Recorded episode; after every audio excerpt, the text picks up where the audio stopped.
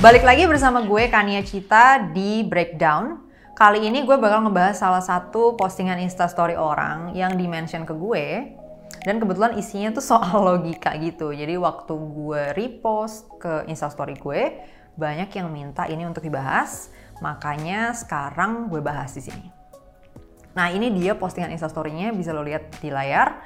Jadi ini tuh soal logika, ada premisnya di sini. Semua artis itu seksi, dan premis keduanya ada orang seksi yang jarang mandi.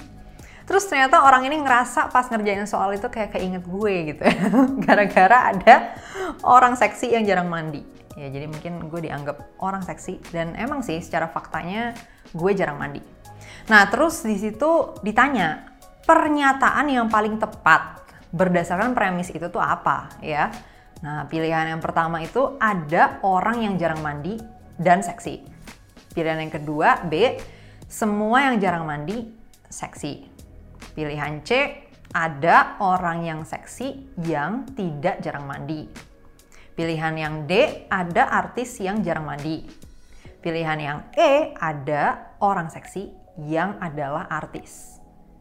Sekarang gue kasih waktu 3 detik untuk lo jawab dulu. Jawaban lo apa? Mana pernyataan yang paling tepat berdasarkan premis di atas? Ya, tiga detiknya udah habis. Jawabannya adalah A, ya. Ada orang yang jarang mandi dan seksi. Banyak yang uh, mempertanyakan jawaban ini, salah satunya misalnya mikirnya, loh kalau kayak gitu kok yang premis duanya nggak kepake? Maksudnya, eh premis satunya nggak kepake. Artisnya di mana nih? Kok nggak nggak nggak dibahas gitu ya di dalam jawaban A ini gitu kan? Karena jawaban A itu kan ada orang yang jarang mandi dan seksi. Itu cuma pakai premis kedua, di mana ada orang seksi yang jarang mandi. Ya kalau misalnya ada A yang B, ya otomatis ada dong B yang A. Ya kan? Ada orang seksi yang jarang mandi, ya berarti ada nih orang yang jarang mandi dan seksi. Tapi pertanyaan berikutnya, emangnya pernyataan B, C, D itu salahnya di mana sih? Nah sekarang gue bahas ya. Pernyataan yang B, semua yang jarang mandi itu seksi ya jelas salah ya. Nggak ada ya di premisnya. Premisnya cuma bilang ada orang seksi yang jarang mandi. Ya belum tentu dong semua yang jarang mandi itu seksi, ya kan? Nah terus jawaban C. Ada orang yang seksi yang nggak jarang mandi. Nah ini kenapa salah nih? Ya kita nggak tahu dong, karena kan di premisnya itu cuma ada adanya orang seksi yang jarang mandi. Kalau yang nggak jarang mandi ada nggak? Ya kita nggak tahu dong. Itu sama aja kayak misalnya kayak gini uh, lo lagi polling nih, ya lo lagi bikin survei deh gitu, lo nanya-nanyain orang, eh lo suka ketoprak nggak? Terus misalnya dia jawab suka. Nah, pas lo dapet data ada orang yang suka ketoprak ini, kan lo dapet dong informasi bahwa ada orang yang suka ketoprak. Tapi bisa nggak pada saat itu lo narik kesimpulan, oh berarti ada nih orang yang nggak suka ketoprak? Enggak kan, nggak tahu kan kita. Nah, jadi berdasarkan premis ini, kita nggak bisa narik kesimpulan bahwa ada orang yang seksi dan nggak jarang mandi. Itu untuk jawaban C ya. Terus jawaban D, nah ini yang paling banyak jawab gitu ya. Maksudnya orang-orang biasanya jawabnya jawaban D ini. Dan dipertanyakan juga kenapa jawabannya bukan D. Jawaban D ini kan ada artis yang jarang mandi. Nah, orang-orang mikirnya kan gini ya. Premis satunya kan semua artis itu seksi. Abis itu ada orang seksi yang jarang mandi. Nah orang mikirnya ya kalau kayak gitu berarti ada dong artis yang jarang mandi. Salah, ya kan? Kenapa salah? Karena gini ya, semua artis itu seksi bukan berarti semua yang seksi itu artis. Nah, jadi kalau kita ngelihat di premis dua nih, ada yang seksi, terus dia jarang mandi. Kita bisa narik kesimpulan nggak kalau yang seksi ini tuh artis? Ya enggak dong, karena kan lagi-lagi ya, semua artis itu seksi, tapi bukan berarti semua yang seksi itu artis. Makanya dari sini kita nggak bisa narik kesimpulan bahwa dari yang seksi itu tuh udah pasti itu adalah artis. Itu satu. Yang kedua, kita bahkan nggak bisa menarik kesimpulan bahwa ada artis, ya. Nah, jadi berdasarkan premis satu, semua artis itu seksi, kita nggak bisa narik kesimpulan bahwa artis itu sendiri ada gitu loh. Bahwa ada nih artis, itu nggak bisa. Ya, let alone jarang mandi gitu kan. Ada artisnya itu sendiri aja belum tentu. Kenapa bisa kayak gitu? Gini, kita coba terapin ke konteks lain ya. Misalnya, ada premis gitu kan. Semua yang ber-IQ 200 itu jenius. Nah, apakah berarti ada yang ber-IQ 200? Kalau berdasarkan premis itu, nggak tahu dong ya kan? Kita nggak tahu ada atau enggak tapi kalau ada dia pasti jenius. Karena semua yang IQ-nya 200 pasti jenius. Ada nggak nih orangnya atau entitasnya yang IQ-nya 200 ya nggak tahu gitu. Kalau dari premis itu kita nggak tahu. Kita cuma taunya semua yang IQ 200 pasti jenius. Tapi ada atau enggak orangnya atau entitasnya itu nggak diketahui. Nah itu ya. Kenapa jawaban D juga salah? Terus jawaban E ada orang seksi yang adalah artis nah sama ya ini kan menunjukkan bahwa berarti ada nih artis kan padahal ya kita nggak tahu ada artis atau enggak karena premisnya cuma semua artis itu seksi. Nah, itu udah jelas belum? Bahwa jawaban B, C, D, E itu jadinya salah. Dan yang benar cuma yang A, yaitu ada orang yang jarang mandi dan seksi sesuai dengan premis yang kedua, yaitu ada orang seksi yang jarang mandi.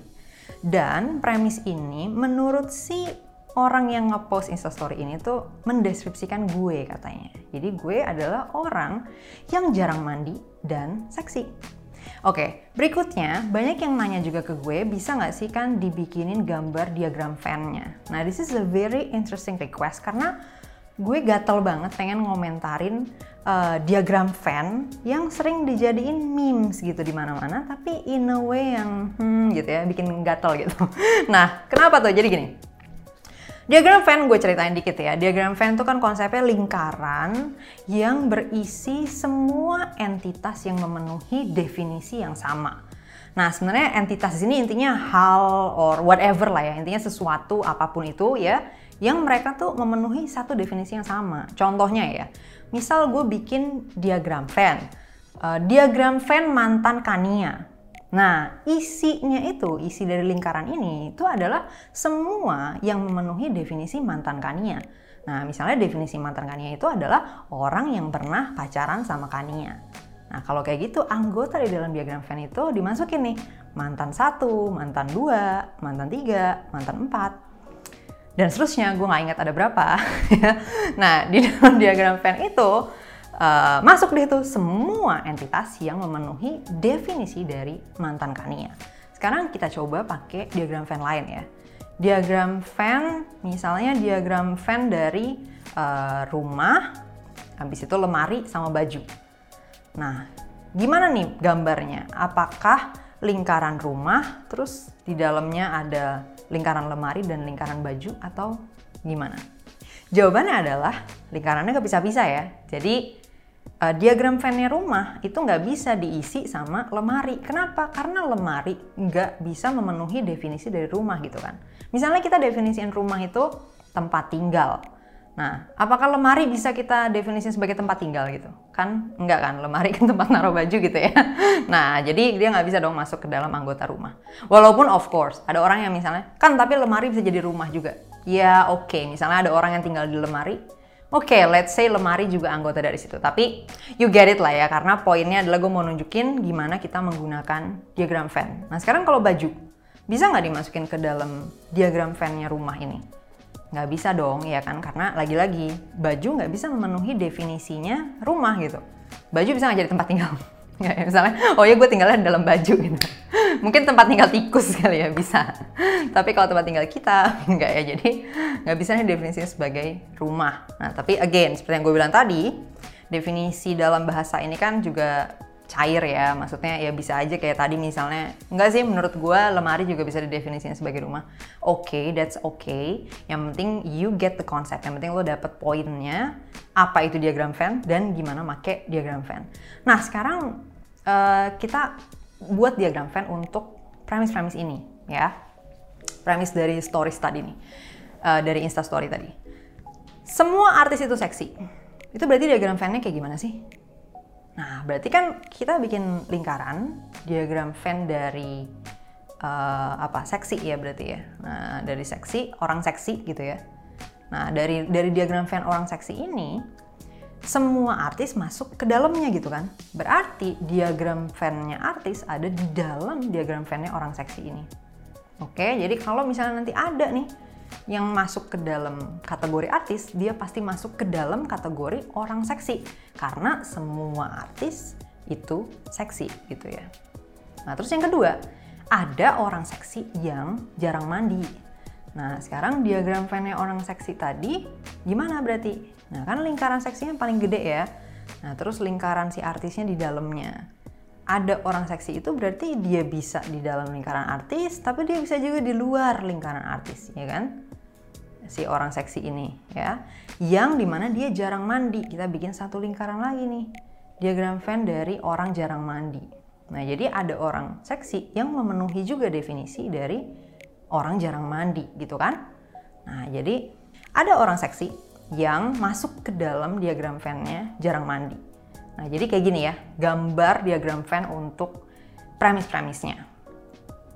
Nah, sekarang uh, masuk kepada diagram Venn dan memes yang gue bilang tadi. Lo pernah lihat nggak sih memes uh, diagram Venn yang misalnya contohnya nih, Misalnya ada lingkaran aku, habis itu ada lingkaran satu lagi yang beririsan sama lingkaran aku ini, e, nama dikasih namanya pacar kamu gitu kan. Terus tengahnya dikasih panah, mencintai kamu dengan tulus dan apa adanya. Nah, jadi maksudnya gambar ini mungkin maksudnya adalah nih gue sama pacar lo tuh sama-sama lo mencintai lo gitu ya.